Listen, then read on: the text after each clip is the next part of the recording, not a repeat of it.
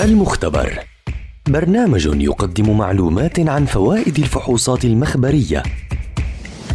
من تقديم الدكتور محمد عسعيس دكتوراه في المختبرات الطبية وأمراض الدم. المختبر برنامج يومي عبر أثير أجيال. أهلا وسهلا بمستمعي ومستمعات أجيال عبر منصاتها المختلفة.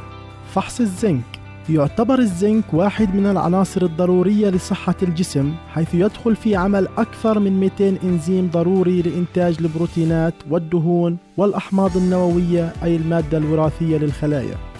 بالإضافة إلى ذلك يشارك الزنك في عمل هرمون الإنسولين في استهلاك الكربوهيدرات وضبط النمو بوتيرة سليمة وكذلك يدخل في تطوير الأعضاء التناسلية وجهاز المناعة وعمل غدة البروستات وشفاء الجروح والحروق وغيرها.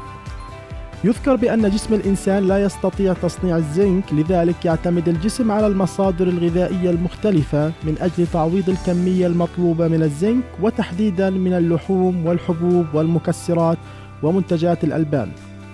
يحتاج جسم الإنسان البالغ إلى ما يقارب 10 ملغ يوميا من الزنك وتزداد هذه النسبة عند الحوامل والمرضعات.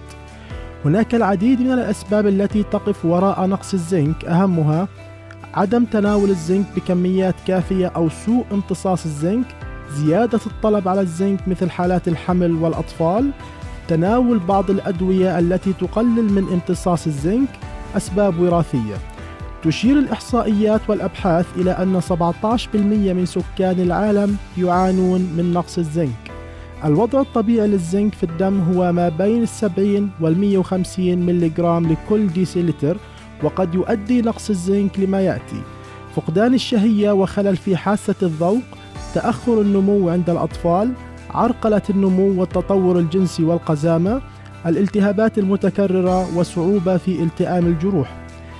كما أن النقص الخطير والمستمر في الزنك قد يؤدي إلى مرض جلدي نادر يصحبه تساقط في الشعر وطفح جلدي، التهابات في الجلد، التهابات في الفم، التهابات في اللسان، والتهابات في الجفون وحول الأظافر. يتم إعطاء المكملات التي تحتوي على الزنك في حالة تبين وجود نقص في الزنك. يتم إجراء فحص الزنك عن طريق الدم ويتم إصدار النتيجة خلال نصف ساعة. استنونا في حلقة جديدة عن فحص ومعلومة جديدة. دمتم بصحة.